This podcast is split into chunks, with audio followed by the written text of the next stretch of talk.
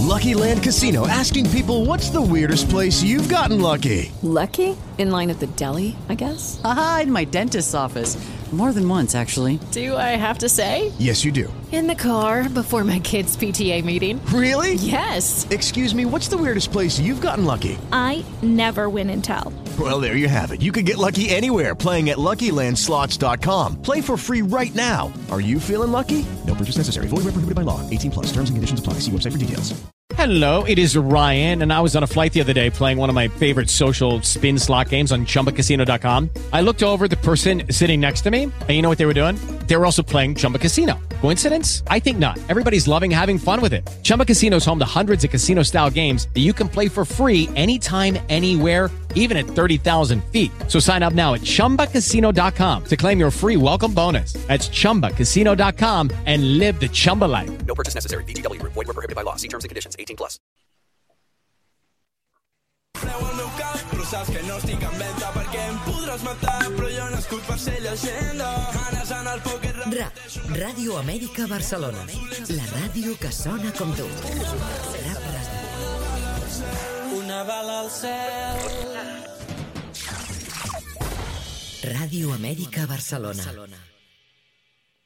Hello, it is Ryan, and we could all use an extra bright spot in our day, couldn't we? Just to make up for things like sitting in traffic, doing the dishes, counting your steps, you know, all the mundane stuff. That is why I'm such a big fan of Chumba Casino. Chumba Casino has all your favorite social casino style games that you can play for free anytime, anywhere with daily bonuses. That should brighten your day a little. Actually, a lot. So sign up now at chumbacasino.com. That's chumbacasino.com. No purchase necessary. VGW. Void were prohibited by law. See terms and conditions. 18 plus. Oh, oh, oh, O'Reilly. You need parts? O'Reilly Auto Parts has parts. Need them fast? We've got fast. No matter what you need, we have thousands of professional parts people doing their part to make sure you have it. Product availability. Just one part that makes O'Reilly stand apart. The professional parts people. Oh, oh,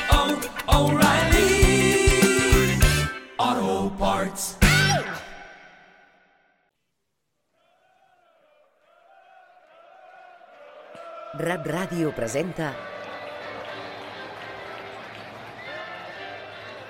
La taverna del Barça.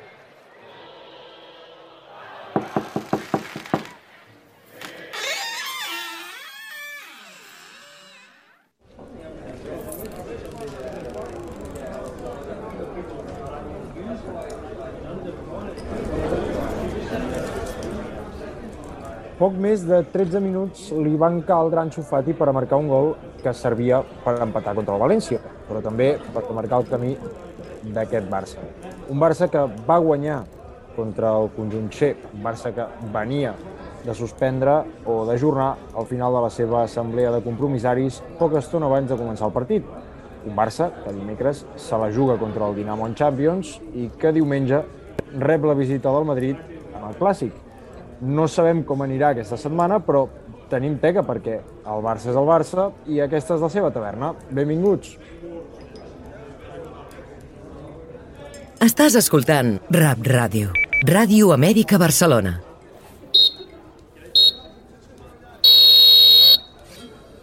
La taverna del Barça.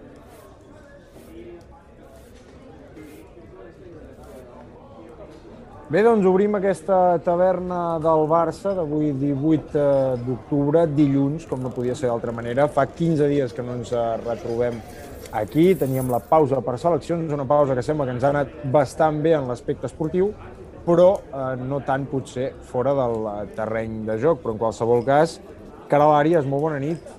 Hola, bona nit, Said. Com estàs? Mm, no sé si podem dir això, que tenim bones notícies sobre la gespa i potser no tan bones fora. Sobre la gespa, sobre la pista... Ja ara ho repassarem com han anat aquest cap de setmana pel que fa a les disciplines del Barça, que han anat molt bé, et faig un spoiler. Però fora mm, de la pista de la gespa, no ho sé. En parlarem, no? En parlarem eh, bastant. Eh, abans de res, mira, Caral, molt ràpid. Eh, T'has comprat un llibre, no, fa poc? Sí, m'he comprat un llibre. Sobre Justament uh, anava acompanyada d'una persona, com podria ser tu, Said. Doncs mira, d'aquí poc eh, en parlarem eh, d'aquest llibre, però entretant obrim el fil eh, d'actualitat a Can Barça, Caral. Vinga, va, som-hi. Anem cap a les bones notícies. Comencem sobre la gespa perquè el Barça va guanyar aquest cap de setmana davant el València, 3 a 1. Gaia va avançar el conjunt Che al minut 5, ja veiem les naus que s'anaven cap a baix, però la nova bona de tot això, a part eh, que sabem remuntar, o que hem tornat a recordar com es fa això de remuntar, és la titularitat d'Ansu Fati que va obrir la llauna al minut 13. Depay va ampliar el 41 de penal per posar el 2 a 1 i Coutinho, el 85, va acabar de resoldre el clàssic per deixar el Barça setè amb 15 punts abans del clàssic, però d'això en parlarem més tard. Sí, Said, perquè anem a parlar ara també de la gespa, en aquest cas de les noies, que elles no ens fallen amb les alegries, com sempre, contundentment van guanyar 0 a 5 a la seva visita a l'Sporting de Huelva amb gols de Blanco, que va marcar en pròpia porteria, Alexia Putelles, Irenes Paredes i el doblet d'Aitana Bonmatí. El Barça femení ara mateix és líder de la Lliga Iberdrola amb 21 punts i el 7 de 7 de victòries. I deixa'm afegir-te, Said, que porten 47 gols a favor i només un en contra ja n'han marcat més que jo en tota la meva vida esportiva, però vaja, mirem eh, cap a l'apartat poliesportiu. Què ha passat en bàsquet, Àries? Doncs en l'Eurolliga de bàsquet els blaugrana van guanyar per un ajustadíssim 81-85 al Mónaco. Brandon Davis va ser el màxim anotador del partit amb 27 punts. El Barça de moment té ple de victòries a l'Eurolliga i divendres a les 9 del vespre rebran el partit d'Eurolliga al Zenit de Sant Petersburg. Ens hi estem acostumant, això de les bones notícies, i em sembla que en hoquei també en tenim, no? Sí, en hoquei el Barça no és notícia que guanyi. Ho va fer aquest cap de setmana per 1-3 a la pista d'Alcaldes. El doblet de Pau Bargalló i el gol de Sergi Llorca van donar els 3 punts als blaugrana que segueixen líders en solitari a la Parlem Hockey Lliga amb 18 punts. I diumenge a un quart d'una del migdia seguit tindrem el partit més important que els culers han tingut fins ara, que rebran el Palau Blaugrana al Liceu de Galícia. Per últim, en vol, diguem que ho vam aconseguir, Caral. Home, clar que vam fer el ple seguit, perquè en handbol el Barça va guanyar 24 a 40 a la Lliga contra l'Atlètic de Valladolid. Ángel Fernández, Langaro i Ali Zain en van estar els màxims anotadors del Barça amb 5 gols cada un. I amb això segueixen també líders de la Lliga Asobal i dissabte jugaran contra el Huesca, però divendres tindran compromís europeu i rebran al Palau el, el PSG. Abans d'entrar en tertúlia, saps quin era el llibre que comentàvem abans o no? Sí, uh, té un, un títol una mica especial i és que és d'una persona molt estimada per part meva que, bé, et deixo tu que diguis el nom i jo diré el títol del llibre que és La Disneyització del futbol. A més a més, la, la portada té un dibuix amb un jugador de futbol i amb la careta de, de Disney i els colors, sí, no sé si et vas fixar, però eren de color vermell i verd, tot el llibre. No sé, de, del Barça no són, per tant, no ens serveix. Llibre del Xavier Ginesta i he de dir que jo ja me l'he començat a llegir. Mm, tocarà que el comentem aquí a la taverna del Barça un dia d'aquests amb el seu autor, però t'he de dir que qualsevol amant del que mm, passa entre bambalines en el món del futbol, sobretot en l'aspecte econòmic, eh, de planificació eh, econòmica, màrqueting esportiu, etc. Qualsevol amant d'aquesta temàtica jo crec que, que es posaria les botes amb, amb aquest llibre perquè la veritat és que explica molt i molt bé un fenomen que, que sembla que està agafant cada vegada més força, que em sembla que en Solans també en domina bastant, per lo que hem pogut comentar alguna vegada ell i jo fora micros, però vaja, eh, avui ens havia d'acompanyar, de fet, el Xavier Ginesta per poder presentar aquest eh, llibre. No ha estat possible al final per un tema d'última hora. Des d'aquí li enviem una abraçada molt i molt forta. Sabem que el tindrem ben aviat aquí amb, amb nosaltres per explicar-nos precisament de què va aquesta disneyització de, del futbol. I però, també si dit perquè ens respongui a la pregunta de si Leo Messi és com Mickey Mouse. Correcte, que això és una cosa que em treu el son. De fet, fa com 4 o 5 dies que no dormo per tot això. Però, uh, Caral, em sembla que ja hem eh, fet eh, prou avançament del que tindrem pròximament, ja hem fet el repàs de titulars. Et sembla si ens anem a, a, la, a taula, ens asseiem tranquil·lament i que comencin a, a venir els convidats? Sí, encantada que vinguin. Vinga, va, Quim, posa'm un quinto. Estàs escoltant Rap Ràdio. Ràdio Amèrica Barcelona.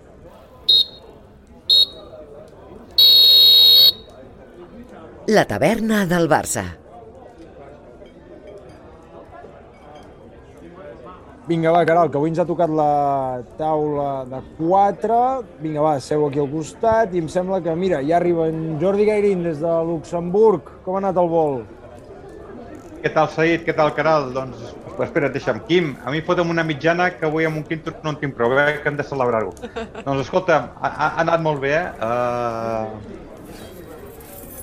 Molt bé, a més a més, quan, quan viatges i has guanyat, doncs, escolta'm, tot és molt més fàcil. Jordi, a mi m'encanta perquè cada vegada que arribes eh, et demanes per veure tant si és per celebrar com si és per afogar penes. Al final Sí. per això està la Sí, taverna noi. del Barça, no? També. Ah, això mateix. També amb nosaltres. Mira, ja entra per la porta. Ei, més Quim, més posa'm- pentinat del normal, eh? Sí, perdona, eh? un moment, un moment. Quim, a mi un whisky, que jo també ho celebraré fora, això. Què tal, nois, com esteu? Genial, però us he de dir que no sóc gaire de celebrar les victòries del Barça amb whisky, almenys. Bueno, jo, és, és un gust adquirit, eh? no et preocupis. Jo també, jo també era anti-whisky, em costava, era com Genial, fotre'm un, una, una bola de foc per l'estómac, però tot és un gust adquirit, vull dir, ja, ja t'acostumaràs, no et preocupis, ja t'acostumaràs. Escolta'm, Albert, a veure, parlem en propietat. De whisky, parlem de whisky o de bourbon? Uh, en aquest cas, whisky un nou van, no? Un nou van així de 12 anys, més o menys. Molt bé, molt Així bé. Una mica fumadet. Ostres, veig que domineu bastant del Bueno. tema. No, no, molt amateur, molt amateur. Ahir, a mi no em demanes què, deman què li demano al Quim? Què li demanarà? Bueno, demana-li tu mateixa. Paga, paga el germà? Mm, home, sí. Ahir, Ah, vale, perquè No, si no, no, no, no, whisky, eh? Porta'm una cervesa, eh? Avui ja, con- avui ja convido jo. Doncs, ja que convides tu, em demanaré, mm, jo crec que una clara, perquè jo vull anar suau. I espera't, espera't, que ho acompanyaré amb un panellet, si us plau. Oh, bé, bé, bé, bé. Ai, ai, ai. Vinga, va, escolteu una una cosa. 3 a 1, victòria. Mm, més enllà d'aquells 5 primers minuts i del que va tocar patir en el seu moment amb el 2 a 1, com vau veure aquest Barça? 3 a 1, Ah, victòria. Jordi, fot-li. Vinga, jo, jo vaig veure que tenim, que tenim l'Ansu Fati. Aquest nano eh, és, és un fenomen, eh? Bueno, i, i el Gavi, s'ha de dir que el Gavi és un altre fenomen, eh? Aquí eh, és allò que, que he llegit en algun lloc, eh? que ens hem d'agafar un clau ardiendo, doncs sí, sí, la veritat és que ens agafem amb aquest clau ardiendo, eh?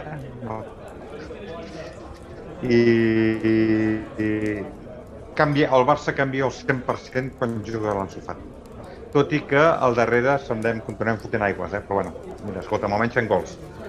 Exacte. Home, jo- crec que l'Ansu Fati és el pebre, no? que li faltava una mica al Barça, aquest punt picant, una mica, no? El Barça era com un plat ensupit, que li faltava una mica de, de punx, no? I, i jo crec que l'Ansu Fati és això. És el que dona felicitat, és el que dona alegria, no?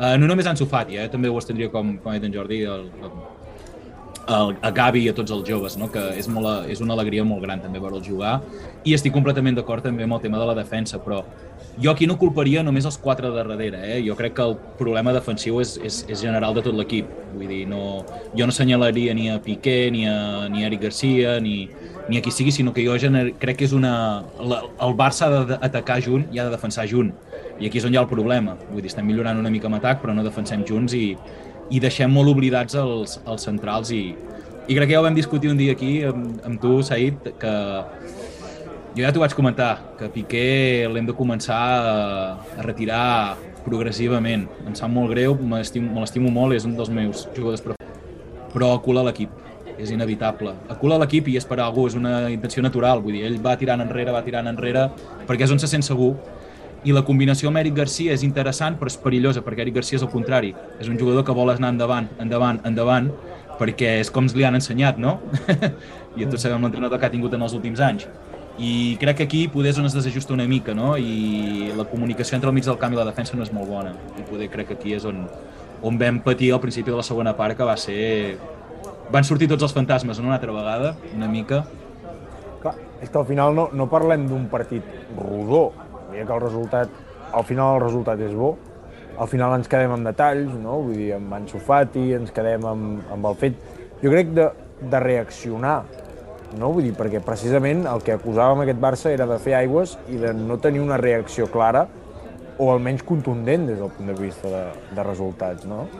Mm, però clar, si, si traiem tot això, mm, ostres, final és allò que dius, no? Vull dir, al minut 5 ja tens el gol eh, de Gaià, que dius, me caig en dena, ja, ja, dius, ja, ja També va ser fem? mala sort, eh? hem, de dir, hem de dir en defensa que el gol de Gaià és un golaç, vull dir, és que realment cola la pilota per l'única escletxa que hi ha en tota la defensa amb un efecte i és que és quasi impossible, vull dir, fins i tot quan el veus en càmera lenta la pilota va ràpida, o sigui, és que li fot un canyardo descomunal. Vull Sí, però digue'm la veritat, en el minut en què et marquen... És desconcentració, és et- evident, Et, ve, només falta. sí, però a més a més et ve, et ve un, un, un quelcom dins eh, No, que tots els "Ostres, fantasmes, sí, sí." No pot anar bé, això. Dius, això no pot anar bé, però encara sort que, ja et dic, en Sofati li van caldre 13-14 minuts per, per endollar-la, a partir d'aquí el penal eh, sobre Depay, bueno, el penal que marca Depay, El ja regal, Coutinho i acaba de emocionar aquells últims 5 minuts, no? I, però Jordi, vas patir gaire tu, per cert? Tu que no ets de patir? Sí que vaig patir, sí, sí, sí, sí, perquè, hòstia, la segona part, quan ens la tiren al pal, el, el, el, el Soler aquest, llavors hi ha l'altre del Guedes aquell que la treu, el, el Ter Stegen, que no sap ni com la treu, perquè li va fotre una carrera que va fotre braç, va allargar el braç i la va treure. Eh, estàvem, el que deia l'Albert, estàvem acolats i, i ens pressionàvem per tot arreu, eh? Llavors vam tindre la potra que, que bueno, el, el Coutinho va fotre aquell gol que encara no sap ni com ho va fotre perquè el control que fot, la veritat, hòstia, tu, és que és el tio més car de la història del Barça, com pot fotre aquell control? Va, tant és. No... Però bueno, és, eh, sí, sí, sí, no, no. T'entenc, Jordi, t'entenc. A mi també, a mi també em desespera, em desespera aquest home, també, però... Um, jo, jo volia fer referència a, lo, a, a això que dius tu, no?, el patir. Home, jo quan ens van marcar el minut, el minut 5, vaig mirar cap a la banqueta i vaig veure que jugaven contra un equip de Bordalàs. I aquí em vaig espantar una mica, vaig pensar, això no ho aixecarem. Perquè això en un altre entrenador que et ve a buscar dalt, dius, bueno, mira, encara ja t'obrirà espais. Però Bordalàs jo pensava, ara es dedicarà des del minut 6 a perdre temps, jugadors a tirar-se a terra, a alentir el joc, no? I he de dir gratament que em va sorprendre que quasi va ser el Barça que va jugar aquest joc, no? una mica, vull dir que, que també em va sorprendre ba- bastant això i, i, i el tema del penal, home, jo estic content eh, d'aquest regal, vull dir, perdoneu, eh, però a mi aquest penal me'l piten a mi i m'estaria indignadíssim, eh, amb tot el carinyo del món, eh. I parlo com a ex-defensa, jo vaig jugar de central tota la meva vida i entenc que s'han de protegir els delanters, però jo crec que estem arribant a un punt d'exigència en els defenses que se n'ha de parlar, eh? no pot ser. No pot ser perquè és que es juguen a un estrès descomunal, vull dir, vam tenir la setmana passada l'Eric Garcia el gol de França contra, contra Espanya, és que, clar, què, què més els hi podem demanar als defenses? I, I en aquest sentit, jo sé que l'Anglet està passant per una mala època, però a mi em sabia greu, sincerament, vull dir, que cada partit per tocar una mica en un jugador li, li pitaven i no sé què, i quan entres en aquesta dinàmica és molt perillosa, no? I jo crec que hem de protegir una mica els defenses. Ostres, jo aquest penal, perdó, eh, sé que és a favor del Barça, però jo no el veig per enlloc. Em sap molt greu. Encara que toquis Ansu Fati, és que dona igual, és que el futbol és un esport de contacte, no podem, no podem pretendre pre- que pugui robar una pilota en un jugador com Ansu Fati sense, sense tenir contacte amb ell, és que és pràcticament Clar, impossible. El problema al final és que hem banalitzat tant el penal en si Totalment, des de que hi ha el bar és, és, és que cauen com xurros, vull dir, és que és una, és, ho trobo una exageració perquè no tot contacte ha de ser falta, em sap molt greu, és que el futbol és un esport de contacte, si no podem entendre això, jo crec que anem molt malament, anem molt malament i, i de, re, repeteixo, estic molt content de que ens pitessin el penal, però jo el vaig veure i vaig pensar, aquest ens el piten la setmana que ve en contra i crema Barcelona, eh? una mica, vull dir, és la meva opinió, eh? no sé si vosaltres ho veieu penal, però Els que s'han sí. d'aplicar el que estàs dient, Albert, són els propis àrbitres. Ah, no, totalment. Han, per, han arribat ells a provocar això. No és que ja siguin els defenses que sí, que uh, és el que tu dius, és un joc de contacte i és normal que es toquin entre ells, normal. Però penso que també els àrbitres són els que han provocat aquesta, aquesta situació. I abans de res m'agradaria preguntar-vos, per vosaltres que sou una mica més tàctics que, que jo, que què vau pensar que Serginho Des jugués d'extrem i deixés una mica de la seva posició de lateral? Perquè Uh, sí, a mi em va agradar moltíssim, no, no us ho negaré, vull dir. Per jugar al futbol que vol el Barça i que tothom vol, no? aquest supremacisme del futbol del que parlem, que és el purifisme, perquè a vegades sembla que sigui un supremacisme, no? que sigui el millor esquema de tots uh, necessites, dos, necessites extrems. I pots jugar simètricament, eh? vull dir, no cal que, vull dir, si en pots tenir dos, millor. I és això que reclamàvem, no? I si vols jugar com, com el Barça ha de jugar, o com creiem tots que ha de jugar, necessites extrems. Si no tens extrems perquè estan lesionats o per, perquè no n'has pogut fitxar, doncs la reconversió de Serginho Dés a mi em sembla molt bé, sincerament. Vull dir, a mi em va agradar molt. A mi em va agradar molt. Crec que és un nano que ha de millorar moltíssim encara, s'equivoca molt en moltes decisions, però com a mínim encara és valent. És que té 20 anys, eh? i exigint a nivell de jugador consolidat a la primera plantilla i no ho és, eh? A mi em va agradar molt, jo estic molt content i crec que és un gran encert de Koeman, o sigui, podem afegir-ho això a la petita llista però bonica que té Koeman d'encerts. I una d'aquestes és reconvertir Serginho Dés. I extrem, sobretot, perdona'm que acabi de donar-li una volta més a aquesta ideologia nostra, extrems que sàpiguen tant jugar en estàtic com en desmarcades de ruptura amb molt poc espai. És a dir, al final, és com el que comentaves abans, no? el, el tema de, de la defensa. Jo me'n recordo un, un entrenador molt i molt bo eh, que el que deia era, ostres, vale, acaben de marcar un gol, però la pilota ha arribat fins aquí. Ells han servit des de la porteria contrària. La pregunta és, per què la pilota ha arribat d'allà a allà sense un desplaçament en llarg clar? Potser és per la falta de pressió, potser és perquè hem deixat o hem alliberat masses recursos pensant que aquesta gent no passaria ni del mig del camp i al final arriben i et marquen. Llavors, Mhm. sí que és veritat, doncs, al final en tota aquesta... Podríem escriure un llibre, no? De qui som? ja s'ha escrit molt. La taverna, que es podria dir el llibre, eh? Diré que... Histò- Històries de taverna, tu. Històries de de la taverna. taverna. I en la contraportada, la Caral estima Luke de Jong. Jo, jo ho veig. Mira, venia preparat amb aquesta pregunta, Caral, mentre estava a l'avió, pensava, li has de preguntar si... Eh. Dedueixo que prefereixes més el Kun Agüero que Luke de Jong, no? Home, és que prefereixo fins i tot jo jugant a futbol de veritat. Escolta, jo hi confio eh, encara en el que et pot aportar el Kun. Confia, tu confia, que cauràs. En el Kun Abuelo? En el Bueno, Kun, sí. sí. Ah, En Luke de Jong, no. Ah, No més del normal. No més del normal, eh? Vull dir, però... Ostres, jo en el Kun encara realment hi confio. Potser no com a protagonista absolut de grans nits de futbol al Camp Nou o grans nits eh, de futbol, ostres, mm, és el Kun, eh? Dir, Home, és un recurs.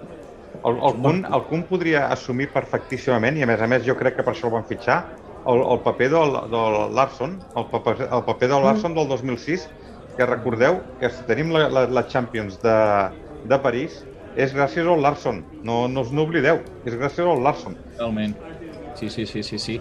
Sí, home, és un molt bon recurs. Eh, jo l'únic que tinc dubtes, jo no dubto de la seva qualitat, que això no ho faré mai. Home, és un dels millors jugadors de la història de la Premier, això crec que es diu bastant tot, vull dir, i un dels millors jugadors de la història del City. Va de ser el moment. primer, de fet, si no m'equivoco, va ser Va, el primer. és que va ser el primer, vull dir, aquest home té una estàtua al, al, a l'Etihad, eh, us ho recordo, eh? vull dir, això Mhm. no té tot. Um, jo no dubto de la seva qualitat, jo dubto de la seva situació física. És l'únic que em preocupa. Jo sé que si el, el Kun Agüero estigués amb, físicament bé, per mi és titular indiscutible, per mi no és ni de recurs tan sols, perquè quin altre delanter centre té el Barça? Cap. Llavors, el problema està aquest, que clar, és un jugador que no et pot jugar des d'inici, que poder el, el seu rol ha de ser com a revulsiu, el que diu en Jordi, no? que et surti des de la banqueta i que et revolucioni el partit. Home, ahir va fer res, 5 minuts, i va fotre una carrera i estava mort ja, però bueno, la carrera que va fer la va fer en sentit, no? diguem-ne, vull dir, vas veure alguna diferent de dir, ah, doncs pues mira, vull dir, coi, també faltava una mica, no? Sí, vull dir, més que Luke de Jong, no? que té un, un 20 de velocitat en el FIFA, vull dir, ell, tot i estar lesionat, té, té, té, té el seu, no? El va, vas veure que juga amb criteri, no? que té alguna i que la qualitat és innegable que la té. Dir, Això sí. L'únic que dubto és això, ostres, de, de, del seu estat físic i m'alegraria moltíssim que realment estigués bé i que el poguéssim res, que poguéssim disfrutar-lo una miqueta, no? També és un jugador que ja sempre el Barça ha somiat amb ell, ha arribat en un moment, ha arribat tard, Sí. però bueno, ja que el tenim intentem-ho disfrutar, no? Es- Escolteu, jo el que volia comentar és una cosa, és que l'Ansu no us va recordar el gol de l'Ansu, els gols de, del Messi, però des de la, amb la dreta, és que va ser clavat. És la típica jugada del Messi que fa una diagonal, paret amb el, amb el davanter centre i pam, eh, la, la, la, la clava a l'altre cantó. És que va, bueno, jo, jo això em va fer, eh, em va fer somiar, tu. Em va dir, escolta'm, tenim un nano de 18 anys que fot aquestes coses i que us recordo que l'Ansu, tot i haver estat 9 o 10 mesos lesionat, porta 15 gols amb 18 anys amb el Barça i, en, i segons he llegit avui o ahir, ara no, no ho recordo, el Messi a la seva edat en portava portava 7 o 8, sí. 7 o 8. Sí, sí, sí, amb els mateixos minuts jugats. Sí, sí, sí, sí, jo també ho he sentit això i, home, evidentment aquesta estadística és, és brutal, no? També era... jo el que entenc, eh, que el, el, el, el Barça necessita sempre buscar nous herois i sempre, no? El nou Xavi, el nou Iniesta, i ara evidentment tocarà el nou Messi, no? Perquè ja no hi és. Jo tot i així aniria en compte. Jo crec que cada Sí, jugador sí, és... sí. T'entenc, eh, Jordi, que hem de viure de la il·lusió és molt guai, això, eh? Però Sí, sí. Jo no recordo ningú dient que Messi era el nou Ronaldinho, no? Perquè jo, vaja, jo no ho recordo, poder sí, eh, que es va dir, però jo no ho recordo. Jo crec que cada jugador és especial i que l'Anso té alguna que Messi no tenia. Recordo també que Messi al principi no era molt golejador, eh, tampoc. No. Vull dir, això és una, una cosa Saps que va quan anar es va destapar? amb el Me'n temps. recordaré sempre. Men, sempre me'n recordaré del partit on Messi es va destapar com a golejador. Va ser un empat a 3 contra el Madrid amb hat-trick Mm. de Leo Messi. Pot I ser, jugant sí, amb sí. un de menys, i jugant amb 10 jugadors. Jugant amb 10, eh, l'any l'any de, de Ronaldinho... És a dir, l'any després de guanyar a París. L'any de Ronaldinho al després de guanyar, el, el, en què Ronaldinho ja comença, ja comença... Fins i tot crec que veníem de- d'aquella setmana estranya on es va xiular per primera vegada Ronaldinho en una jugada que anava així d'esquenes, anava reculant, reculant, reculant i al final li van robar la pilota. Doncs en aquell partit, Leo Messi, me'n recordo, es va destapar com a golejador, va, va marcar-ne 3, que gràcies a ell van poder rascar un, un puntet, Mhm. i a partir de llavors recordo que la seva faceta golejadora va anar increixendo. No, Clar, no, i, i el fet, i el fet de, de que li marxés l'Eto, no? de que li marxés un nou, a l'Eto assumia, Eto per mi un millor delanter de la història del Barça, Eto assumia tots els gols. O sigui, a, a, tot passava per ell, no? quasi cada gol. Llavors, clar, la marxa d'Eto jugant fals nous pues, requereix que els gols que feia Eto doncs, els fes ell. No? Jo crec que això també el va ajudar. Però to- Clar, tornant al tema, sí, però tornant al tema Ansu Fati, sí, sí, o sigui, sens dubte és inevitable, vull dir, és el 10, o sigui, tot el màrqueting que, su, que rodeja aquest jugador és per ser el nou Messi, no? Perquè així ens entenguem. I, i sí, sí, sí, jo, em fa molta il·lusió, però jo vigilaria, eh? jo també deixaria que ell fos Exacte. Ansu, que no fos el nou Messi, sinó que fos Ansu, i ja està, Sí, no? sí. I, però entenc aquestes comparacions perquè realment són, són brutals, no? Perquè si hem tingut el millor jugador de la història i tenim un nano que amb la seva edat i amb els seus minuts té millors números, no et porta a pensar aviam què, què podrà ser d'aquest tio.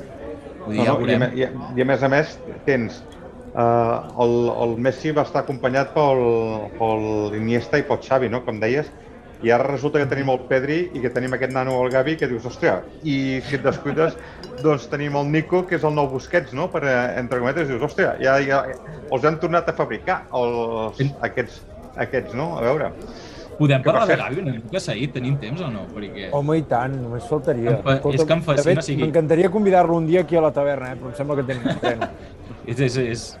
M'encanta, és un matón, o sigui, això em fa molt riure, o sigui, la gent ho diu, eh, oh, ha de vigilar, no sé què amb les faltes, i ho entenc, eh? és evidentíssim, és evidentíssim perquè ha de vigilar perquè jo quan jugava a futbol m'hi vaig trobar que era bastant guarro i llavors els àrbits et tenen clissat i a la mínima que, que fas alguna cosa et piten falta, no? Quan fi- fins i tot no sent.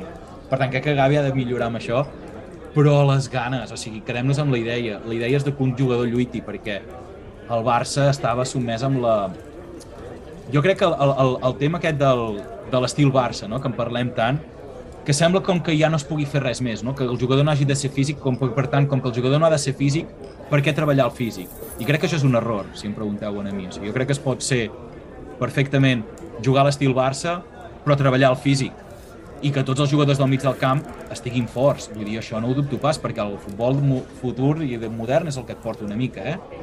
I m'agrada que un jugador com Gavi tingui el- la- l'actitud, no?, de com a mínim dir, no, no, a mi no em trepitjaràs, tinc 17 anys, però a mi no em vacilaràs. Vull dir, el dia que va sortir amb el Bayern i en un minut ja li havien tret una targeta groga, vale, és massa, però jo em quedaria amb la idea, no?, d'un jugador combatiu, que crec que al Barça li falta, no?, perquè té jugadors massa macos, diríem, al mig del camp, no? Pedri és un bon nano, vull dir, no és, no és molt contundent, no és molt, no es deixa intimidar, però no és molt contundent. En canvi, jo crec que Gavi això és molt bo, no? Tothom el compara amb Deco i sí que té raó. Deco era més intel·ligent, crec jo, de moment, és jove, ja madurarà. Deco era més intel·ligent, però Deco era un tio que si t'havia de treure el peu i fotre't una hòstia, te la fotia i es quedava tan ample. Eh? Deco el que tenia era un jugador molt versàtil, perquè tant Molt. podia ser un jugador molt delicat com un, com un torcebotes d'aquests de, de tota la vida de O Déu. perquè eh? és un tio que tenia un caràcter descomunal, només l'havies de veure, semblava superbon nano, tenia cara de hobbit, però tenia una mala hòstia que no se l'acabava, vull dir, això Em va deixes veure. dir-te una, Per cert, sabeu que tenim a? Deco de convidat la setmana que ve, Solans? Li pots repetir això? Quan... Ah, tenim el En Deco. de, vindrà Deco, no m'ho diguis dues No, vegades. no, eh? no. Ja ens agradaria, ja. Podria ser, podria ser. Jo volia Oh. afegir una, una dada una mica friki, i és que uh, Gavi porta quatre grogues aquesta temporada amb el Barça. Una a Champions i tres a Lliga. Està a dues de l'ascensió. Jo ho dic perquè ho mirem en perspectiva de futur.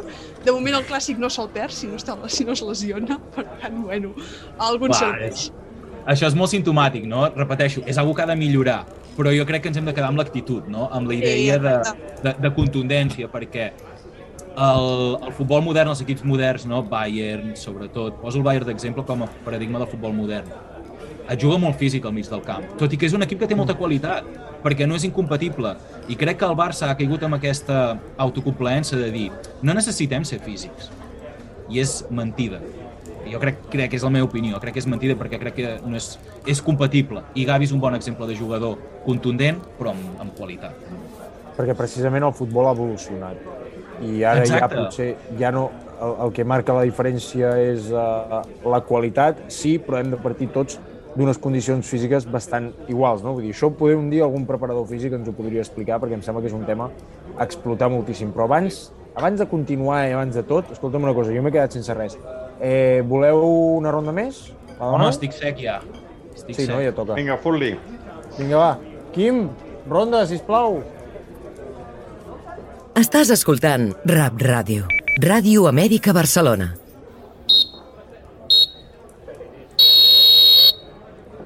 La taverna del Barça.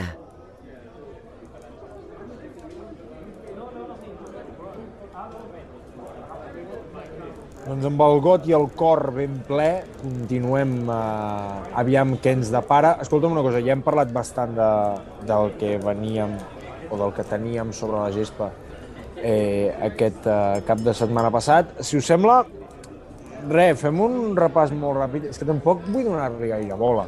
T'ho dic perquè tenim molta teca de, de futbol, no? però, o, o sigui, de, de joc, i tampoc vull donar-li ga- gaire bola, però al final també ens ho hem de bé, no?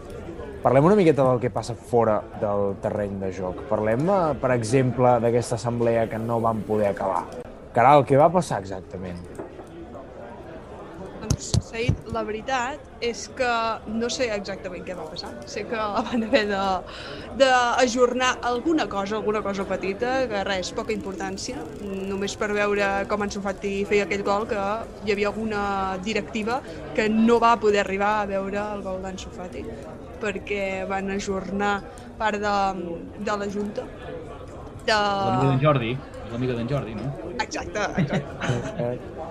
Però I més és enllà... que em vaig quedar amb, amb la dada aquesta, Said, imagina't lo important que va ser. No, que- van, que van va tenir el pipot aquest de que, bueno, segons els estatuts, en el moment en què han d'ajornar o que han de donar continuïtat en un altre dia a aquesta assemblea de compromissaris, doncs eh, s'ha d'anunciar en aquell mateix moment eh, quan, en el període natural de 15 dies, si no m'equivoco, etc. És a dir, bueno, parlem d'aquest eh, defecte de forma que, que va tenir la, la Junta de Joan Laporta, però també parlem que no vam arribar encara a les votacions, per exemple, de l'Espai Barça, que és una cosa que queda pendent, que hem de veure fin, eh, com acaba, i de moment Joan Laporta ja ha anunciat que en cas que la Junta de Compromissaris o que l'Assemblea de Compromissaris donés el vistiplau al projecte, presentarien el projecte a referèndum. Mm, vaja, vull dir que saben de la importància que té tot això, no volen jugar-se potser ni, ni, ni el més mínim ni la més mínima possibilitat a que això pugui ser mm, tirat enrere o tombat i vaja, vull dir, prioritat màxima i en aquest sentit doncs li tornaran a passar la pilota al soci. No sé com, què en penseu vosaltres. Per cert, tu Jordi ets soci? Em, em sona que sí, eh? Soc soci, sí, sí. No et van cridar per anar a l'assemblea? Vaig ser compromissari. Em va tocar una vegada ser compromissari. No vaig poder-hi anar, però sí, em va tocar. Escolta, i com va seguir tota la conya aquesta de l'assemblea? Home, la veritat, a veure, tenies l'opció de seguir de, de, de seguir-ho amb streaming i la veritat que no vaig fer-ho. No tenia altres coses a fer que estar mirant l'assemblea, que a més a més començava a les 3 de la tarda, em sembla recordar, i que és l'hora que estava fent la migdiada, tu. Vull que no... No, el que passa que, a veure, amb els punts que hi havia sobre la taula, convocar-la a, a 20 partit a, a les 9 és pecada optimista. És a dir, és una cosa que s'hauria pogut preveure. Això que se li critica de no haver convocat l'assemblea la, a les 12, jo crec que tenen força raó. I una cosa, Jordi, tu que al ser soci suposo que deus haver anat moltes vegades al Camp Nou. Alguna vegada ha- has vist perillar la teva vida per algun desperfecte, que et caigui alguna tutxana o alguna del Camp Nou? Que... Molt bona aquesta, Caral. Uh, jo sóc soci i tinc, i tinc seients. El que passa que fa 20 anys que visc a Luxemburg. I per desgràcia meva, per desgràcia meva no, no hi puc anar-hi. I són els meus pares els que disfruten de, de, dels, dels, dels seients. Però sí que les últimes vegades que he anat al, al, camp, al Camp Nou, uh, ostres, el veus. El veus que necessita però molta, molta, molta, molta mà d'obra, eh? Uh, molta renovació. No, però ara fem broma, però estem parlant bàsicament de l'informe aquest que va sortir publicat conforme vam estar 21 partits, potser, una cosa així? 21 partits, sí, veig. 21 partits amb un risc real que passés alguna cosa dins del camp a causa dels desperfectes, que això em sembla bueno, vull dir, un tema per denunciar per lo civil, per lo penal i, i, bueno, i que pot dir missa Josep Maria Bartomeu i la seva junta directiva. Però aquí ja, ja estem parlant de que podria haver passat una desgràcia. No, no, i que al final, eh, quan les actuacions que van fer, jo crec que el- l'import total, perquè em sembla que he llegit que van fer dues actuacions, eh? una que va costar 1.100.000 i una altra que va costar 1.800.000 o 1.900.000. Per tant, estem parlant de, de 3 milions d'euros, que 3 milions d'euros, ostres, eh, per, per, per, per arreglar-ho no, no, és un, no és un drama. Això, això és deixadesa. Això és deixadesa i és el Jordi Moix, no? Era el que era, era el, el, Mhm. el directiu responsable de tot això, doncs, doncs la veritat que molt malament, la veritat que molt malament. Ara, sí. Um, M'he obert el maloquet i volia dir alguna de la, jun de la, uh, de la Junta de Compromissaris, ho diré després, però ja que he obert aquest tema, a mi em sembla a mi em sembla el més fort de tot. Sí, vale, que mala gestió, fitxatges de Coutinhos, Dembélés, el que vulgueu. A mi això és el que em sembla més, més preocupant de tot. Perquè això ja demostra el que diu en Jordi, no? Una deixadesa de funcions. És que una cosa és malgastar els diners del club o fins i tot robar-los, no ho sé, ja es demostrarà això si realment han fotut la mala caixa o no, que no em sorprendria en absolut. A mi el que em sembla fort és posar en risc vides de persones. I llavors sentir Jordi Moix, que ha fet aquest carrusel no, de- d'entrevistes de, a RAC1, a Catalunya Ràdio, no va fer en ell. Les excuses que dona és que és tan fàcil despullar-la, és que se l'ha vist tan covard, se l'ha vist tan despullat davant de... Només calia apretar-lo una mica, apretar-lo una mica i s'ha vist despullat, o sigui, s'ha descobert que el rei va despullat. Em sembla molt fort, sincerament. Jo no sóc soci, sóc penyista només, però realment si jo fos soci, buf, em sembla molt fort. És que ho trobo, repeteixo, per mi és el més fort, és el més greu que ha passat. Llavors podem fer bromes amb les caques de colom que cauen als frankfurts i tot el que vulguem, no? però realment posar en risc la, la vida de les persones és deixadesa de... És que és irresponsabilitat, és que és ja... M'importa un pito tot. És aquesta gent que per mi dona la sensació que es creuen que són superiors a la resta de la, de la humanitat. No? Que es creuen intocables, que es pensen que estan per sobre del bé i el mal i per sobre de tothom. Em sembla molt fort. Realment, és, per mi és el pitjor que ha passat, sens dubte. I mira que tela, eh? La És que és irònic, és, és, és ironia, no? Vull dir, perquè parlàvem d'una junta que anava sobre la marxa tapant forats, però tampoc els estava tapant, almenys literalment. No, es tapa, el que estaven fent era tapar-se el cul, s'ha dit, això s'ha vist. El que estaven fent era tapar-se el cul. S'han dedicat els últims dos anys de mandat a tapar-se les vergonyes i intentar netejar tot el que poguessin de la seva imatge, destrossant el club en el camí. I això és evident, vull dir, jo em sembla, vamos, no sé, jo crec que és el més fort que ha passat, sens dubte. Jo aquesta informació em va indignar una bestiesa perquè, us imagineu? Eh, sobre et surt en Jordi Moix i et diu no, bueno, és que tots sabem que quan sortim de casa tenim un risc per la nostra vida. Però és que a sobre se'ns en riu el desgraciat, perdoneu, eh, que Sí, estigui sí, tan sí, sí. És que a sobre se'ns en riu a la cara. O tu al Camp Nou pots entrebancar amb unes escales i fer-te mal. Serà desgraciat, el tio. Sí, sí. Una cosa és que t'entrebanquis amb unes escales, que tot i així també és responsabilitat teva. L'altre és que em caigui un tros de ciment al cap. O que caigui un tros de grada en una celebració d'un gol. És que no es pot ser més desgraciat, perdoneu, eh? és que estic molt indignat amb aquest tema. No, no, però- Ho trobo molt bèstia. Ostres, I, i, és que... i, i, i, i, i xulejant que és l'equip amb més pressupost. Vinga, va, desgraciats amb tots. És sobre. A sobre fardant de que els números, oh, l'equip que ha ingressat més de la història, mil milions... Per de què serveix tenir mil milions si tens un estadi que cau a trossos? I no tens ni els pebrots de ni tan sols molestar-te a arreglar-ho. És que, no, bueno, en fi. No, no, això, És que- això, això la veritat és que és, és, és, és molt fort. I si, I si és veritat el que es diu que, que hi ha d'haver-hi algú perquè controli els ploms perquè si no cauen, és que ja és... és que això ja... És molt bona, aquesta. Aquesta és molt bona.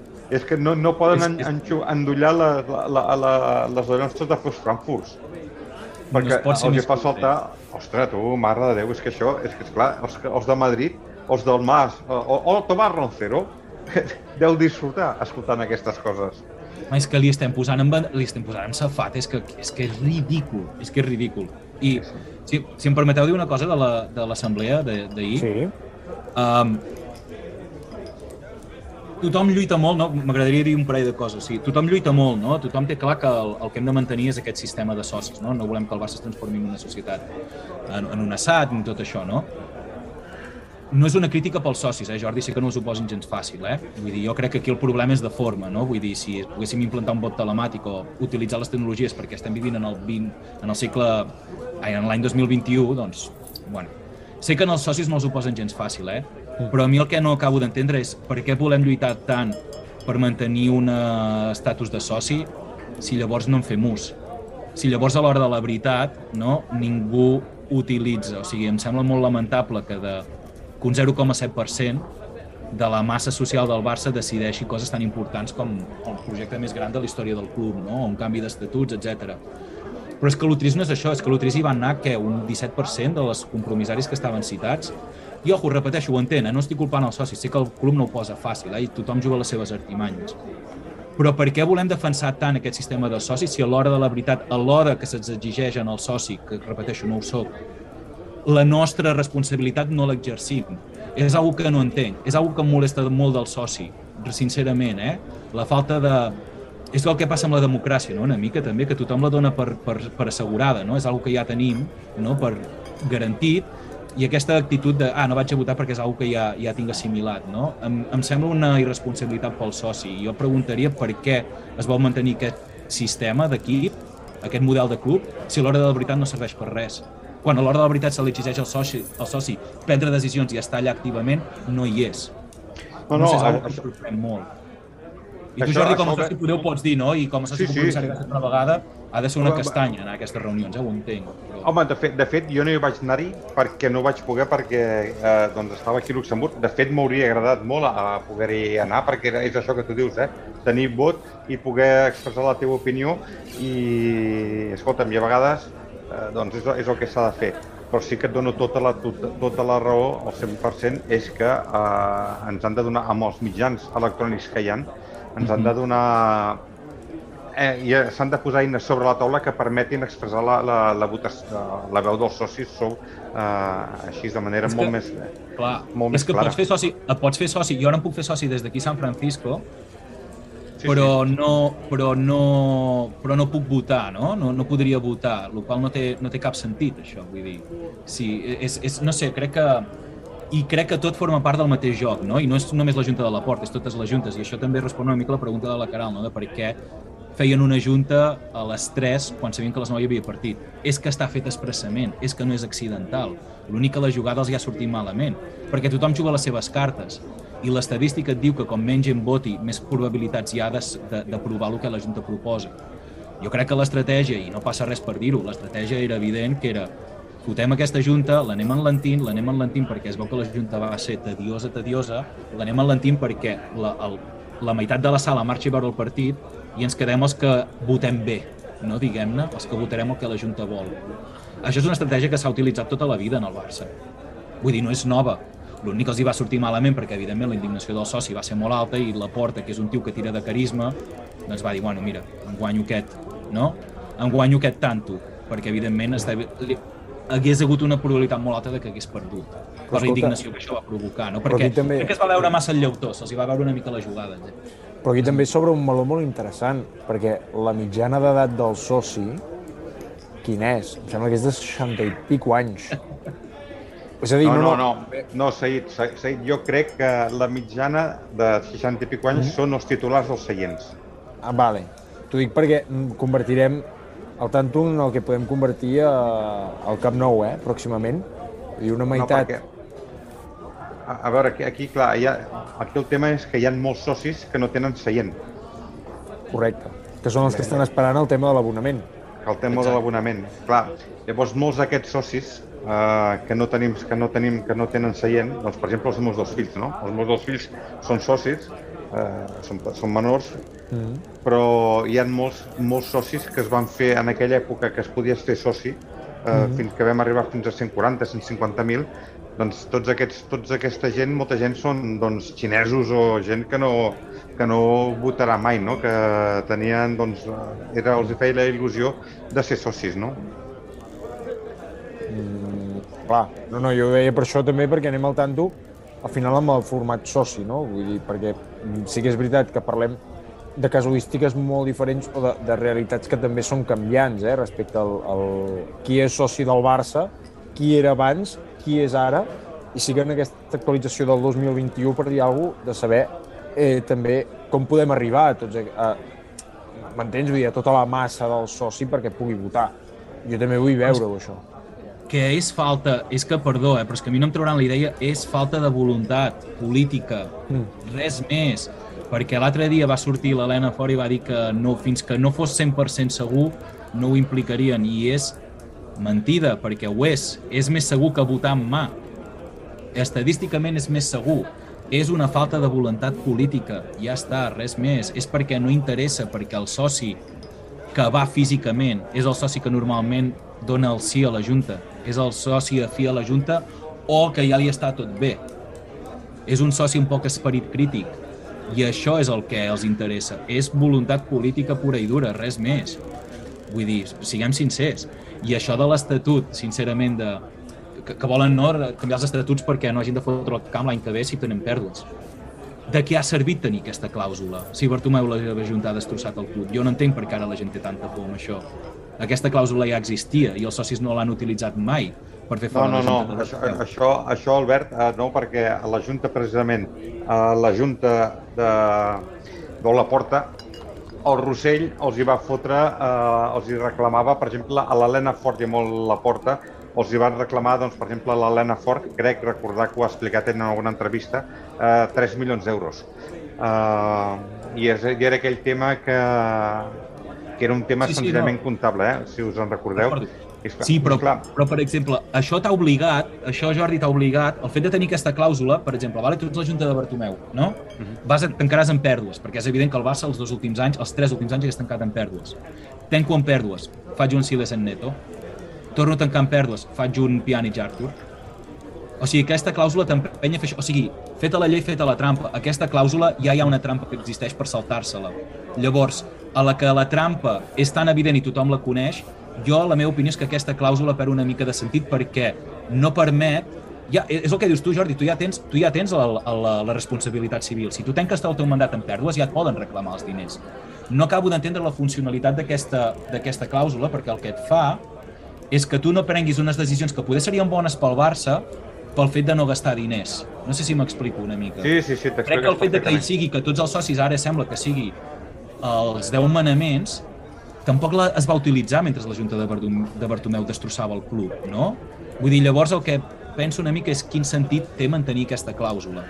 Jo, si fos soci i pogués votar, jo la cancel·laria per sempre i ja tens l'opció de responsabilitat per rendir comptes a una Junta que, que ha malgastat diners no? o, que, o que ha tancat en pèrdues el seu mandat. Però jo l'any a any ho trobo molt agressiu perquè tu has de fer inversions, no? Tu has de tenir la veritat perquè tu potser, vale, sí, fitxaràs a Haaland, que et deixaràs tots els calés que tens a la caixa, però poder això reporta en un guany a 3-4 anys vista, no? No sé si m'explico. Sí, sí, sí, sí, sí t'expliques perfectament. No, no, i a més a més jo personalment ho, con... ho, ho comparteixo, eh? perquè tu pots tenir un any dolent perquè, doncs, mira, doncs, perquè has tingut el tema del Covid o perquè doncs resulta que quan tenies el Messi se't va lesionar i... Exacte. Escolta, i, O, o qui et diu que et fitxes a Haaland i se't passa el primer any lesionat. Sí, sí. Per exemple, no? Sí, Vull dir, sí. per, per posar un cas extrem, no? I llavors que és el que ens ha passat pot- una mica amb Dembélé. Vull dir... Uh, escolteu-me, em sembla que ja toca tancar carpeta, potser, perquè ja hem parlat de, de masses uh, desgràcies i coses que ens passen a fora. Més que res, és que tenim, ens queden 5 minuts abans de que en Quim ens faci fora d'aquí, més o menys, i Tu, però si ara tenim- no hi ha restriccions, ja es fa fora del bar, però no em pensava que podíem allargar més avui. El que passa que en Quim, mm, Ah. aviam, jo encara estic... Jo crec que és del Barça. Jo ho No crec. segur, eh? Però no, perquè, perquè ell ara se'n va a una altra taverna. Mm, li agrada tant la taverna que no és que només es quedi treballant aquí, sinó que després se'n va cap a una altra taverna a celebrar que, que hem acabat nosaltres. Llavors, per això... així el deixem fer, així el deixem fer. Per això, clar, vull dir, ostres, vull dir, nosaltres de moment ja ens ho estem passant bé, a part que demà toca treballar, però, escolta, queden 5 minuts i tenim, hem, o hem de fer un repàs al calendari que tenim aquesta setmana. Abans deies, Solans, de mirar dos, tres anys vista, jo us dic de mirar apenes a una setmana vista. Aviam què ens podem trobar a la pròxima taverna, no perquè tenim de moment un Dinamo aquest dimecres i després el clàssic el diumenge. Llavors, um, què us sembla si fem un titular ràpid del Dinamo? També em quedo un, un resultat i a partir d'aquí ja parlem el, del, del Madrid en el que quedi de temps abans de que ens facin fora. Vale, va. Vinga, va, Dinamo. Vinga, el Dinamo, el partit més important del que portem de temporada. Si, el, per- si perdem o empatem, tot se'n va a Norris. Firmo. Firmo, firmo el titular i no penso dir-te un resultat perquè cada vegada que dic un resultat la cau. I, i estic fart ja de dir no, jo sóc optimista perquè intento ser optimista però és que la realitat em fot cada galeta que em deixa, em deixa distret llavors no? I, i estic mirant el partit i penso en vosaltres i dic és que per què pebrots vas dir que el Barça guanyaria si és evident um, tot i així, dit això, jo espero que demà sigui No pot ser que el Barça guanyi. Blontejant sempre perdem. No va jugar aquest últim dia amb el València. Espero que no jugui aquests dos dies. No, jo estic, sí. estic d'acord amb en Jordi, partit més important. Vull dir, evidentment, hi ha aquesta, hi ha aquesta pregunta maleïda, no? que és què prefereixes, guanyar demà, ai, dimecres, perdó, o guanyar contra el Madrid? No hi ha l'opció. I és mal parit aquesta pregunta, eh? perquè, evidentment, teòricament de, prefereixo dimecres, no? Però clar, és que perdre contra el Madrid fa un mal a l'ego, també. Vull dir, jo posats a dir guanyar els dos, si puc I triar. també et diré una cosa, eh? Quan el Barça ha estat malament, El però ha guanyat el Madrid, peta, peta, sí, és uh, és a dir, ostres, eh, estem molt tranquils durant molts dies, eh? Això és veritat. No, I el Barça sempre, el Barça sempre que arriba malament un clàssic ho peta. Això és veritat. Normalment. Però és que, clar, tan malament com ara no sé si arribava molt un clàssic. Que després, a final de temporada, vull dir, ens faltava algun puntet per acabar de ser campions i l'Atlètic de Madrid ens el, ens el treia, eh? Treia Sí, la sí, Lliga. I que no dic pas que no, i després el Madrid tirava de Champions i, i aquí ja l'hem liada, no? Però, ostres, quan el Barça no està bé, ja et dic que en els clàssics, ull. I si el guanyem, mmm, jo és el que deia, jo abans de... Tinc bastant clar que si el Barça guanyés aquesta setmana Dinamo, Madrid, i encara allargues una més del, del Dinamo, Mm -hmm. ostres, No, és que l'has de guanyar, també. És que també l'has no, de no, guanyar. per això que, que dic, si guanyes aquests 3-4 partits, jo crec que Koeman ja no el mou ningú d'aquí a final de temporada. No. Perquè tu, tu, tu, Jordi, Caral, Said, què preferiu? Guanyar dimecres o guanyar dissabte, diumenge? Guanyar dimecres. Guanyar dimecres. Bé, Jordi, bé. Jo prefereixo guanyar els dos dies. Ho sento molt. Bueno, no, Jo ja també, no, però... però- Va, mulla, trien un, trien un. Jo també em mullaré, va. Jo dic dimecres, també. Jo, si et soc sincera, veient el, la història que ens ha passat de Champions, vull guanyar el clàssic. Perquè Jo pensa que Champions ens el eliminaran millor que tard o Ah, d'hora. no, això és veritat, però també la part econòmica, no? També he fet una mica, vull dir, crec que ens hauríem de classificar per, per, per economia. I aquesta actitud de voler guanyar només el Madrid és una mica de l'època aquesta de quan en Jordi era jove, eh? Una mica de xacarracopes, eh, això. Ah, I hem, però escolta, però també, sí, sí. també l'hem de recordar, no? Era que guanyem no el és- Madrid i ja està. Sí. Ja ja, ja n'hem fet prou. Com l'Espanyol, no? Guanyem el Barça i ja hem salvat la temporada una mica. Jo, jo em quedo amb això, però més enllà del, del fet de facturar, vull dir que, que jo crec que també és important, no? Nosaltres no estem per pensar o per veure si el Barça factura perquè guanya un partit més o un partit menys. Si al final tu com a aficionat dir, el que vols és que guanyi, no? Jo prefereixo guanyar un, contra el Madrid que el Dinamo.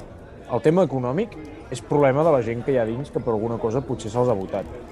Sí, Llavors, sí, sí. més enllà d'això, ostres, jo per trobar-me un, un City, un Paris Saint-Germain, que em pintin la cara a vuitens de final, en el d'anada i en el de tornada, perquè ja no serà ni, ni tan sols un empat, jo quasi que prefereixo treure'm el Madrid de sobre, a casa, al Camp Nou, que vinguin un 3 a 0, entens? I, I si podem fer la destapada d'Ansu Fati, amb hat-trick d'Ansu Fati, ja allò és acabose. I si pots jugar només 50 minuts i al minut 60 ja el canviem per si de cas, també, eh? Vull dir, fem un, fem un Zidane quan jugava al Bordeus. que només No cal abusar, eh, Said, no cal abusar d'en Sofati. Zidane- quan jugava al, al Girondin de Bordeus, només jugava 60 minuts per partit. Ja. Perquè l'entrenador el volia fresc, sempre. I jugava 60 minuts amb 24 o 25 anys. Però bueno, en fi, Sí, però jo, jo quedar-me sí. sense partit el dimecres em sabria greu, també. Bueno, tindrem l'Europa League, llavors jugarem els dijous. No estarà per exemple. malament. I, I acabem de celebrar-ho els dijous. Encara faríem una taverna del Barça especial Ja dijous. li fa que no amb el cap. No, a, a, a Escolta. veure, sabeu la, la humiliació que és jugar la- la- l'Europa League? Eh, res. Mira, ara sí que crec que ja ens estan començant a fer senyes per marxar. Eh, us demano si poder pel Dinamo o no. Però pel partit contra el Madrid sí que necessito la porra i acomiadem. Jordi, Mira, eh, com que haurem guanyat contra el Dinamo, 2-2. mira, dos a dos. Jordi Gairín, poder- que tinguis, que tinguis molt bon viatge de tornada. Moltes gràcies. Vinga, una abraçada. Adéu, Jordi. Abans, Jo ho agafaré, però va, diré 3-1. I també ho agafaré, eh, dient això, ja ens quedaran un repàs descomunal, però bueno. No, esperem que no. 3-1, va, 3-1. Confiem, 3-1. confiem. ens ho dius, sí, ens hosti, ho portem, dius dilluns que ve? portem, que portem molts clàssics sense, sense guanyar. Sí, va. Ens ho dius dilluns que ve. Us dic dilluns que ve, va. Vinga, va, Solans, que vagi bé el viatge. Adéu, companys, una abraçada. Caral, Jo dir-li a l'Albert que no repetirà el mateix resultat, perquè ja vam guanyar 3 a 1 contra el València, per tant, jo modificaré i diré 4 a 2. Seguit. 4 a 2. Ostres, que confiada. Mira, Home, he dit que volia que guanyessin el Clàssic, per tant, tot sobre la taula. Caral Arias, que vagi molt bé. Moltes gràcies, Said. Mira, jo acabo amb el meu, que és el mateix que la final de París, perquè ho vaig dir a la Babalà i la vaig encertar.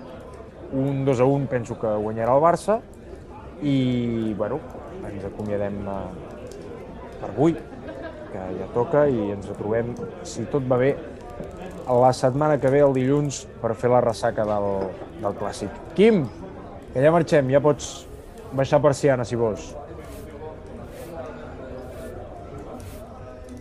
La taverna del Barça.